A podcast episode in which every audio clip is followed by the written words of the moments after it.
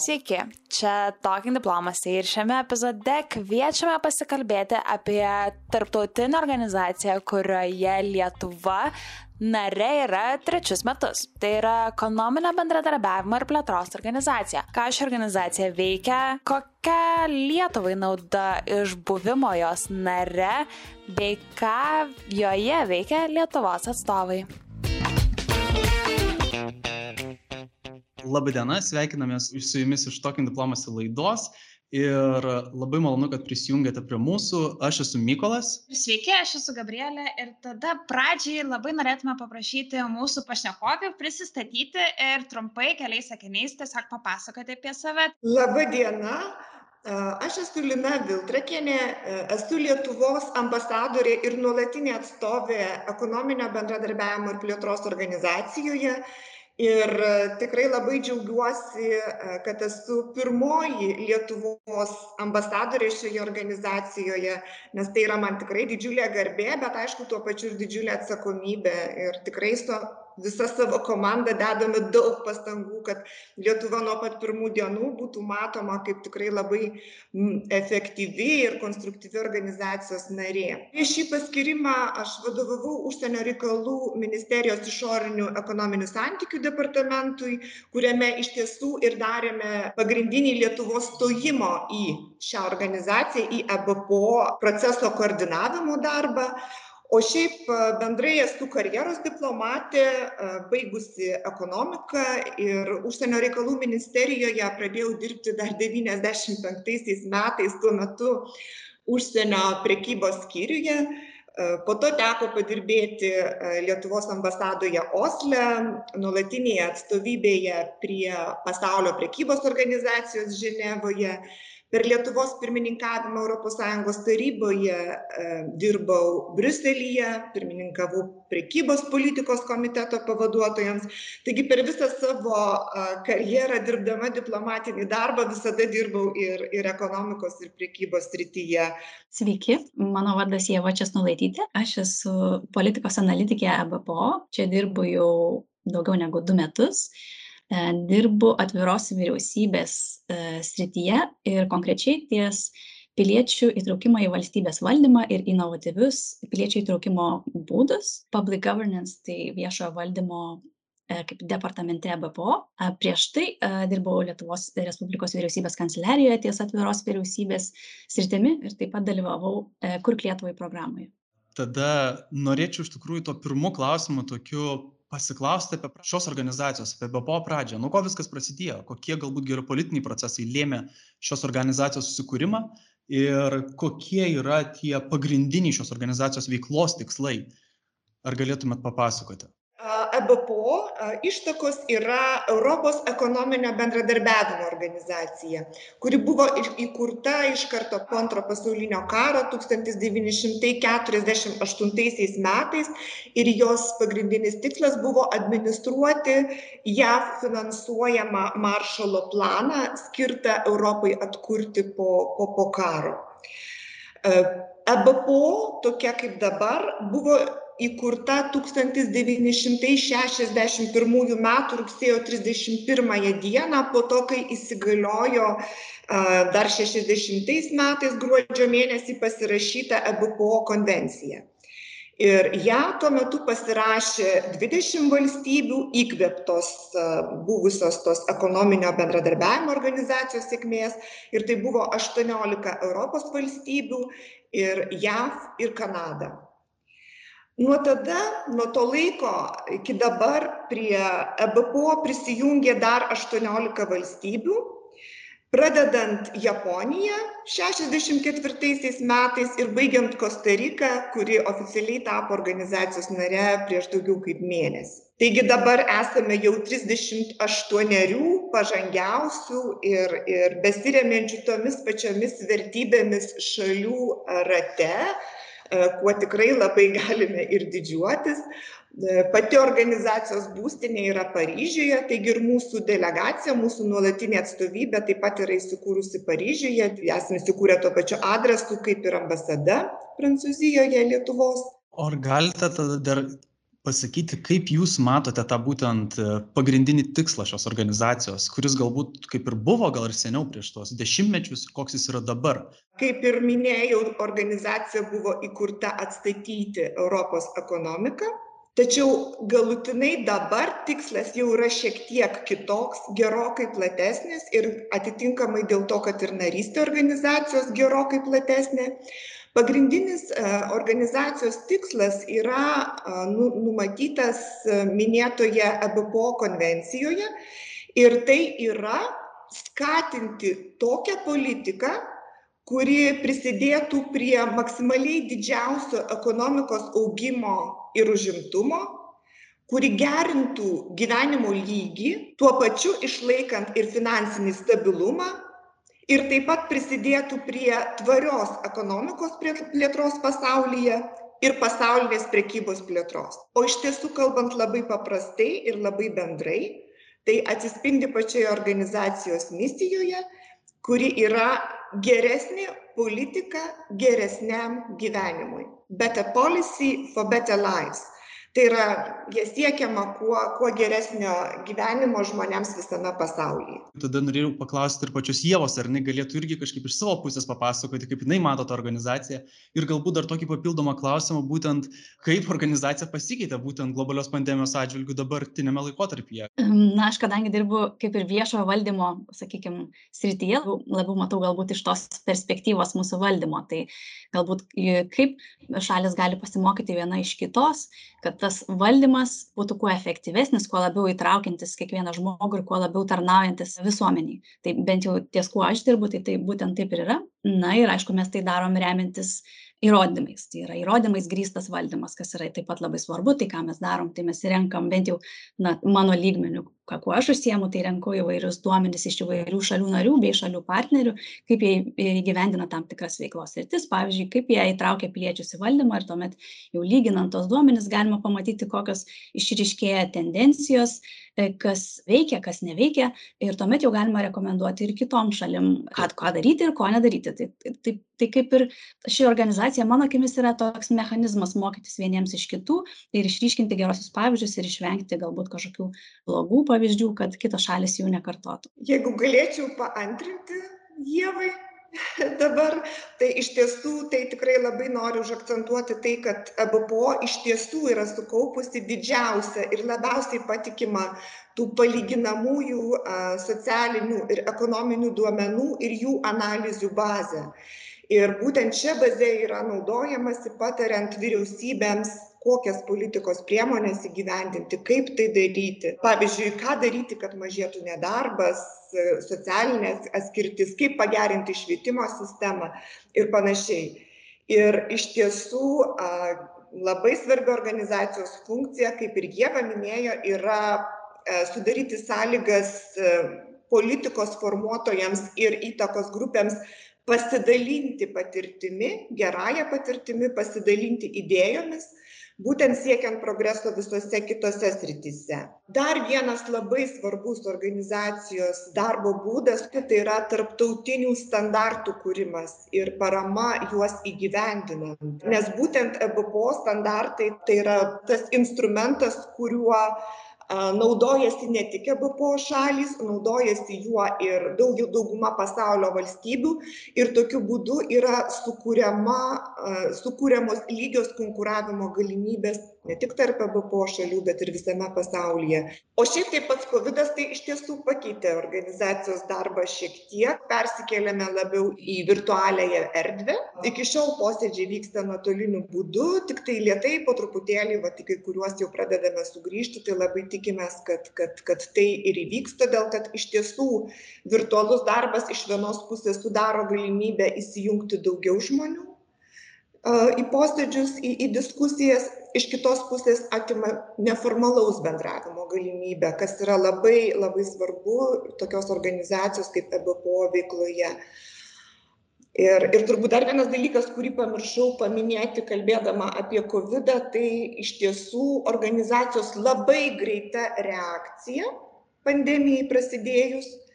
Ir tikrai labai greitai buvo sukurtas internetinis puslapis, tai COVID-19 Digital Hubas taip vadinamas, kuriame e, buvo pradėtos talpinti ir iki šiol dedamos įvairios analitinės studijos, dabar ten yra apie 200 tokių, kurios yra būtent skirtos pagelbėti vyriausybėms tvarkytis su pandemija. Pavyzdžiui, studija, kaip didinti visuomenės pasitikėjimą vakcinavimu, kaip kovoti su psichinės sveikatos, kurią sukelia dabartinė situacija padariniais, kaip didinti nuotolinio mokymo efektyvumą ar ten padėti smulkiam ir vidutiniam verslui ir visa visa visa eilė kitų.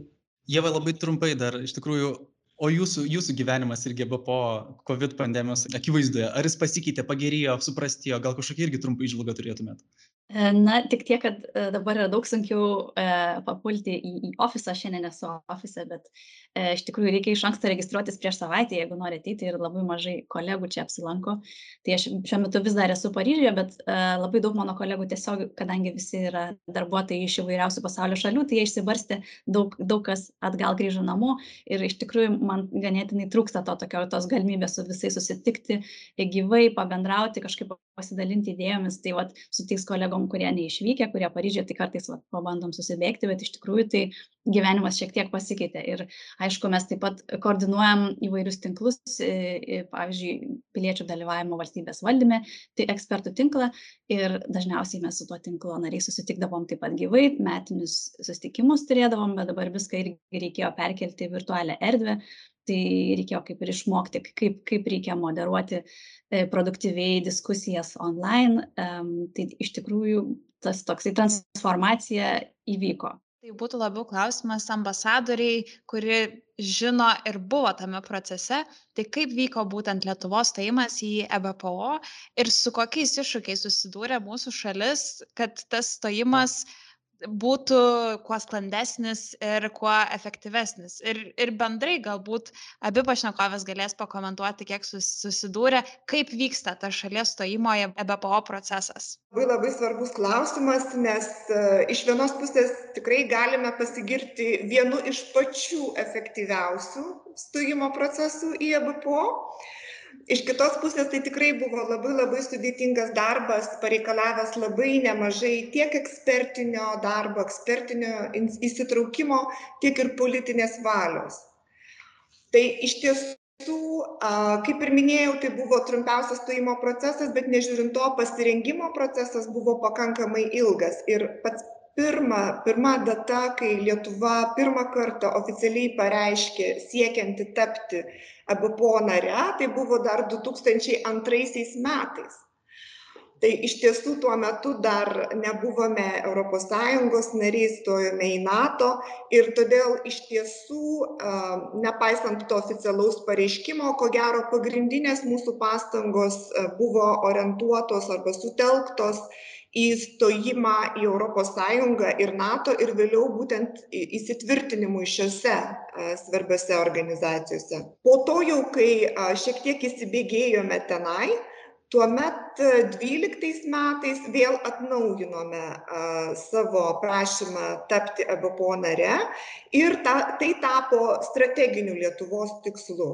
Ir nuo tada iš tiesų sutelkėm visas pastangas kad lietuva būtų pirmiausia pakviesta ir ir tam reikėjo tikrai visų ebpo šalių paramos ir todėl tikrai lietuvos diplomatai ir ambasadoriai užsienio reikalų ministerijos pareigūnai ir vadovai įvairiuose įvairiuose vizituose konsultacijose prašė šitos paramos konsultavosi aiškinosi ruošėsi kaip vis tiktai sutelkti tą tą šalių dėmesį ir ir gauti tą pakvietimą.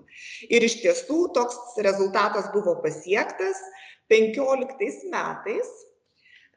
Birželio mėnesį ministrų taryba ebpo pakvietė lietuvą pradėti stojimo į ebpo derybas. Ebpo valstybės po to turėjo patvirtinti lietuvos prisijungimo prie ebpo konvencijos veiksmų planą kuriame buvo nustatytos sąlygos ir procedūros.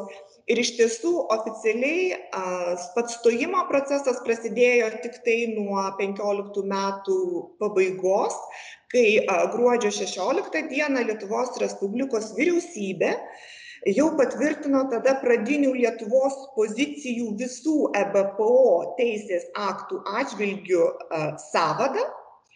Taip vadinamą pradinį memorandumą kuris ir buvo pagrindas mūsų mūsų techniniam stojimo stojimo procesui. Pats procesas vyko vyko labai labai intensyviai labai plačiai. Iš tiesų lietuvos įvairios politikos sritys buvo vertinamos dvidešimt viename ebpo komitete. Jie juose vyk vykdavo peržiūros žiūrimas atitikimas ebpo teisės aktams kurių yra gerokai virš dviejų šimtų. Taip pat buvo teikiamos rekomendacijos lietuva tas rekomendacijas stengėsi įgyvendinti ir parodyti kad yra tikrai pasiruošusi būti būti organizacijos nare. Tai gal keletas tokių įdomesnių pavyzdžių. Tai buvo iš tiesų iš esmės pagerintas valstybės valdomų įmonių valdymas tam, kad jos duotų daugiau gražos valstybei bei žmonėms. Buvo padaryti labai reikšmingi žingsniai kovos su korupcija srityje, buvo pagerinta investicinė ir verslo aplinka, reikšmingai tikrai pakeitėme čia su tuo susijusi ir, ir, ir konstitucinį įstatymą dėl žemės nuosavybės taip pat buvo imtasi naujų priemonių kovoje su mokesčių vengimu sustiprintas žmonių socialinis saugumas ir visa visa eilė kitų gerų darbų nuveikta. Na ir galų gale iš tiesų aštuonioliktų metų gegužės mėnesį gegužės trisdešimtą dieną paryžiuje lietuvos respublikos prezidentė dalia grybauskaitė pasirašė lietuvos prisijungimo prie bpo sutartį kartu su tuo metu buvusiu generaliniu sekretoriumi bpo angeliu gurija ir po to jau atlikus tam tikras teisines procedūras tiksliau ratifikavus šią sutartį ir ir deponavus prancūzijos vyriausybėje lietuva tapo trisdešimt šeštąja ebpo nare ir tai įvyko aštuonioliktų metų liepos penktą dieną kada ir minėsime mūsų tą trijų metų gimtadienį jubiliejuką man kilo viena mintis kai ambasadorė pasakojo apie lietuvos stojimą.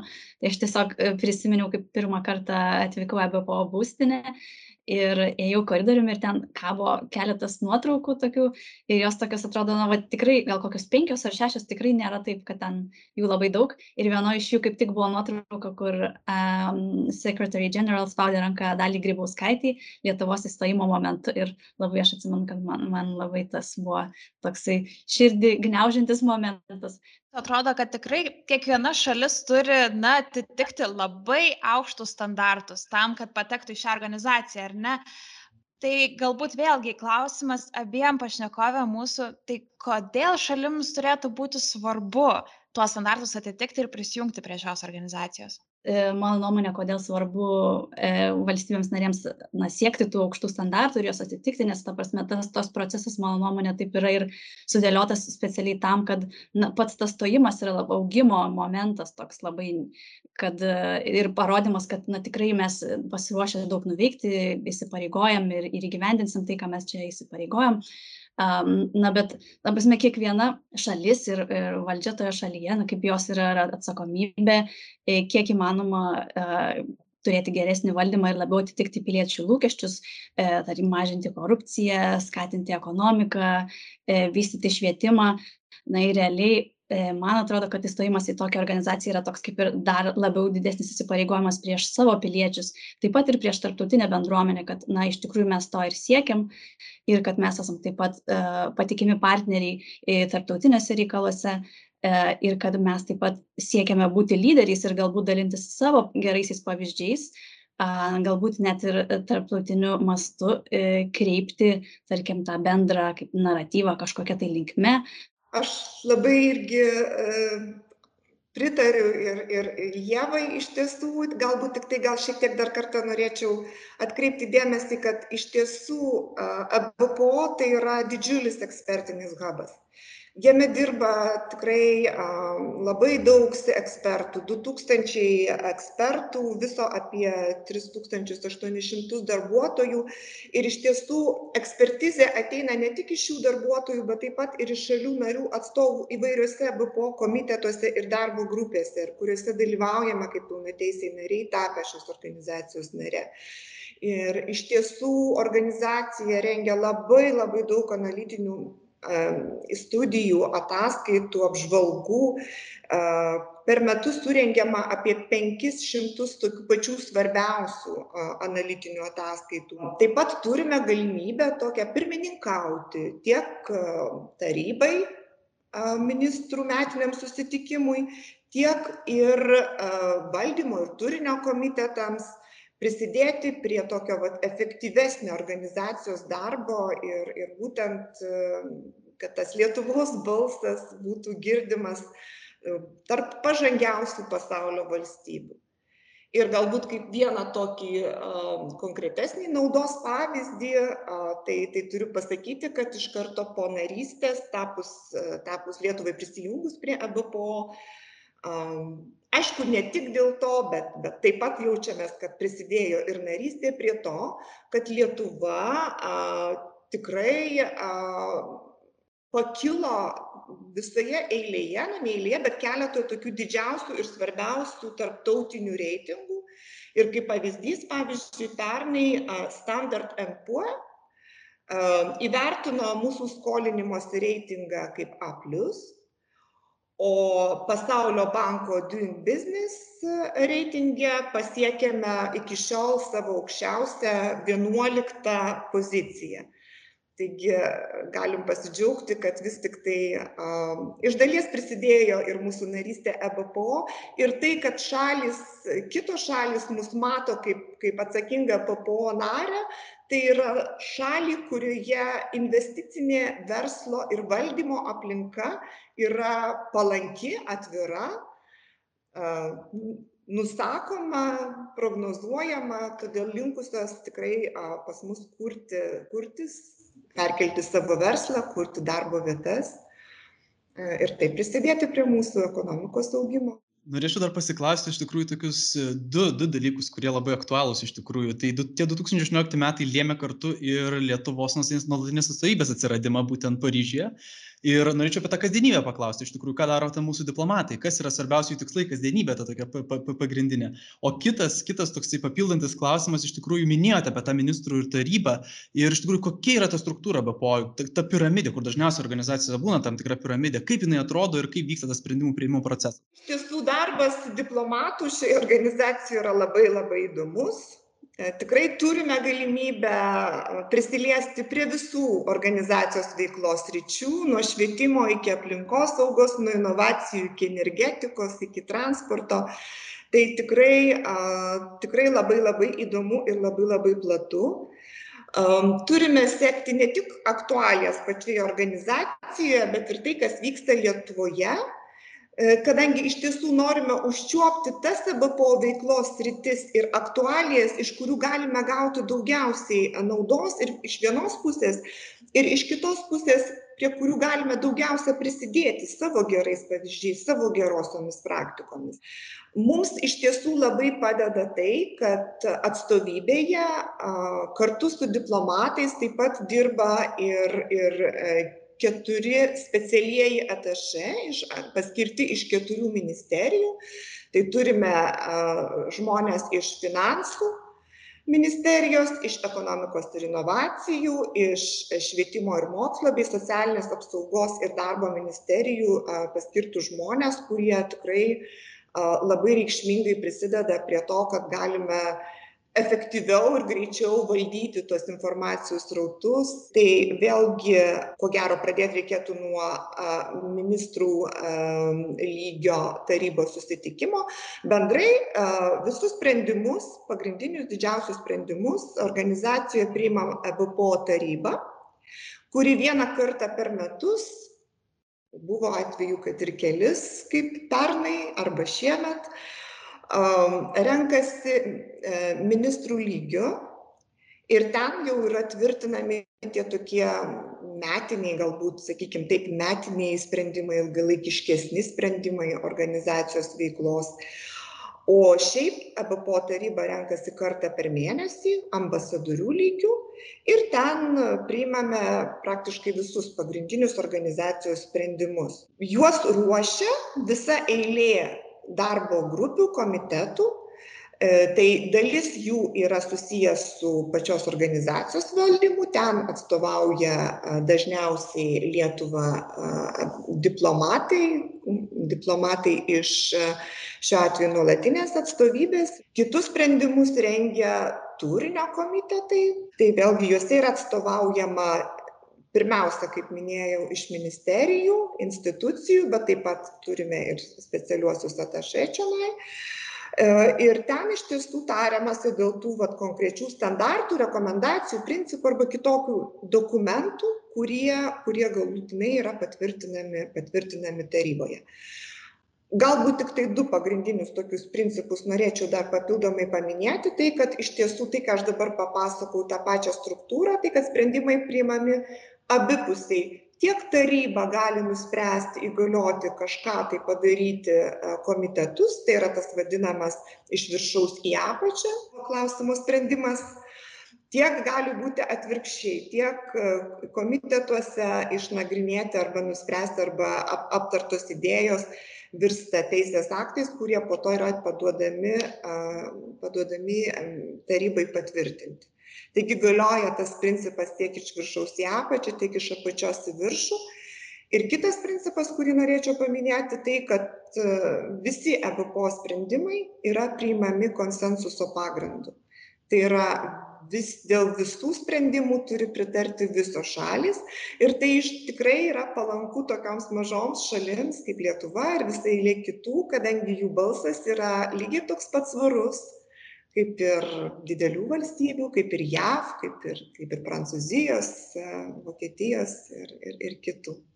Bet aišku, iš kitos pusės tai vėlgi reikia suprasti, kad sprendimo prieimimas konsensusu tai yra toks ilgas ir, ir varginantis kelias reikalaujantis tikrai daug, daug pastangų. Iš diplomatinės pusės pereinant į tą kitą pusę, Jeva, gal galėtumėt papasakoti, kaip vyksta tas jūsų darbas būtent EBPO ir netgi galbūt galėtumėt pasidalinti savo patirtimi, kaip lietuviai įsidarbinant EBPO, koks tai procesas, ar tai labai sudėtinga padaryti ir e, galbūt EBPO reikia pritraukti dar daugiau lietuvių, kad turėtume savo tokį kaip, kaip jau, jau nekartą minėjot, ekspertų hubą.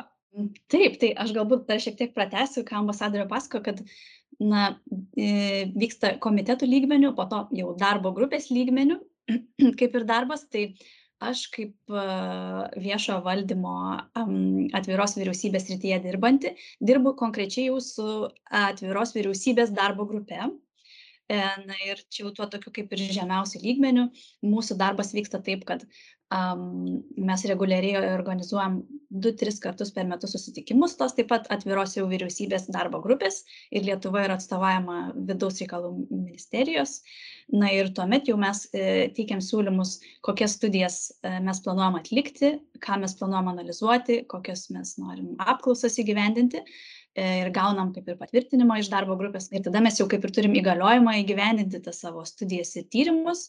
Na ir galiausiai, kai jau mes tas studijas atliekam, tuomet ta pati darbo grupė peržiūri mūsų jau atliktas studijas, pateikia komentarus jau galutiniam rezultatui ir galiausiai jau patvirtina ir tuomet jau jis yra siunčiamas atgal aukščiau į jau tą į komitetų lygmenį, kur taip pat yra patvirtinamas ir tada jau yra viešinamas ir patampa kaip ir jau patalpinamas į svetainę, publikuojamas kaip EBPO oficialus tyrimas.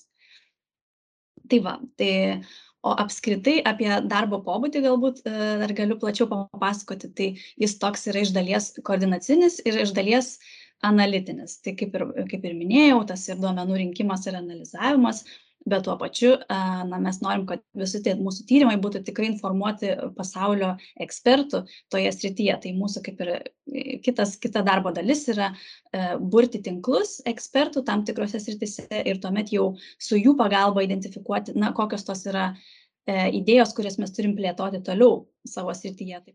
Iš tikrųjų, įsidarbinti ABPO, tai turiu pasakyti, kad nėra labai paprasta tikrai. Ir mano kelias prasidėjo nuo praktikos ir man atrodo, galbūt tai yra netgi pats toks kaip ir nežinau, paprasčiausias būdas, nes EBPO iš tikrųjų gan mėgsta užsiauginti savo darbuotoją, nes reikalauja daug specifinių žinių tiek e, tam tikroje srityje, tiek apskritai, kaip funkcionuoja organizacija. Tai e, jeigu yra norinčių, aš e, rekomenduoju kuo anksčiau pradėti įsitraukti EBPO veiklą, kaip pavyzdžiui, pradedant nuo praktikos, tačiau, aišku, tai tikrai nėra vienintelis kelias. E, tačiau reikia turėti omeny, kad e, labai akcentuoja organizacija tą e, darbuotojų įvairovę na, ir jie nori turėti kuo didesnį įvairovę iš įvairių šalių narių, kad būtų ir jų ekspertų bazė sudaryta. Ir lietuvių iš tikrųjų yra, man atrodo, liktais mažiausiai dabar netgi lyginant su visom valstybėm.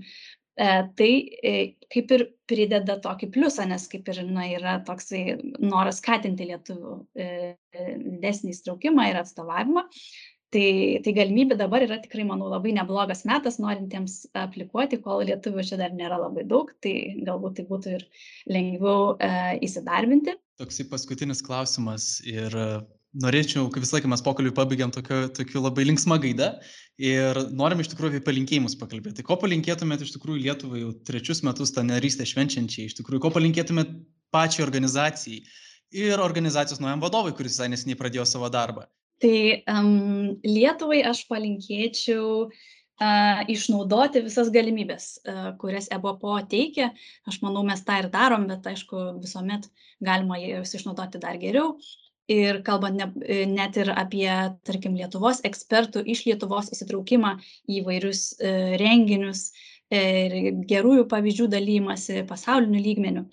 Tai, tai to palinkėčiau Lietuvai o ebpo na tai iš tikrųjų dabar kaip ir nėra labai tokia paprasta situacija ir darbai laukiantys ateityje susiję ir su klimato kaita ir kaip ir su e, problemomis e, demokratijoje, taip kaip populizmas, dezinformacija ir taip toliau. Tai aš e, norim palinkėti EBPO išlikti atvirai organizacijai, inovatyviai ir drąsiai, nebijančiai ieškoti naujų sprendimų, na ir kad šalis kaip ir nebijotų ieškoti to konsensuso ir pritarti galbūt inovatyvesniems sprendimams ir nebūti, na, galbūt konservatyviems, nes manau, kad e, e, mūsų laikų iššūkiai reikalauja, na, kaip ir drąsių ir inovatyvių sprendimų. Na aš galiu tiktai prisidėti prie labai gražių ir prasmingų ievos palinkėjimų.